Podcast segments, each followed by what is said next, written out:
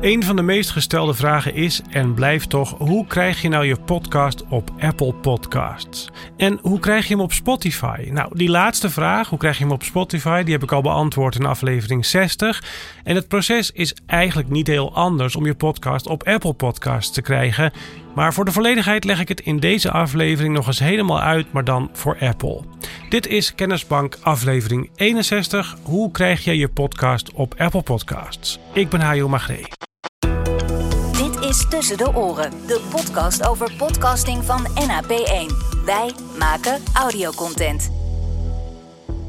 Net als bij Spotify heb je ook bij Apple een aantal stapjes om je podcast in de catalogus opgenomen te krijgen.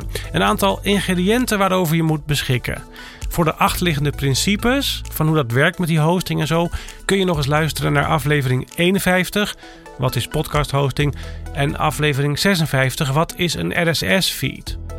Maar nu die ingrediënten. Eerst de creatieve ingrediënten. De dingen die uit jouw creatieve proces voortkomen, maar die je minimaal nodig hebt om je podcast te kunnen publiceren. Nou, een audiobestand natuurlijk. Minimaal één aflevering van een podcast. En dat mag ook alleen een trailer zijn van bijvoorbeeld anderhalve minuut. Maar je moet audio hebben. Dat is ingrediënt 1. Vervolgens heb je een titel voor je podcast nodig en die titel moet uniek zijn. Die mag niet al bestaan als titel van een andere podcast. En je podcast heeft ook een beschrijvende tekst nodig. Bijvoorbeeld zo'n 30 woorden waarin je uitlegt waar je podcast over gaat en waarom de mensen er naar zouden moeten luisteren. En je moet vaststellen wat je opgeeft als afzender van de podcast. In ons geval vaak onze opdrachtgevers. Maar je kan natuurlijk ook gewoon je eigen naam neerzetten of namen als je het samen met iemand maakt, als je dat als privépersoon doet. Vervolgens heb je een titel nodig voor de eerste aflevering of de trailer. En ook die hebben weer een omschrijvende tekst nodig. Dus nog even voor de duidelijkheid: een titel en een omschrijving voor het hele kanaal. En een titel en een omschrijving voor de eerste aflevering in dat kanaal. Dat zijn de creatieve ingrediënten.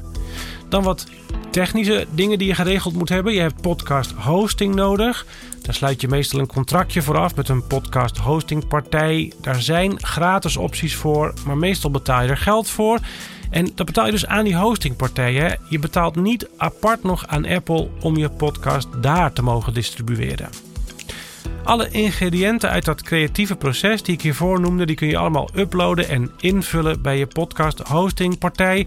En als je dat allemaal klaar hebt, dan haal je bij je podcast hosting partij je RSS feed op. Dat is een link naar een speciaal soort webpagina. Vervolgens maak je een account aan bij Apple Podcast Connect. En op het moment dat ik deze aflevering maak, is het adres daarvan podcastsconnect.apple.com. Als je dat account bij Apple Podcasts Connect hebt aangemaakt, dan kun je daar op het plusknopje drukken en een nieuwe show toevoegen. Vervolgens kun je kiezen voor een show met een RSS-feed. En als er dan om die feed-URL gevraagd wordt, dan plak je daar de URL van het adres die je hebt opgehaald bij je podcast hosting provider.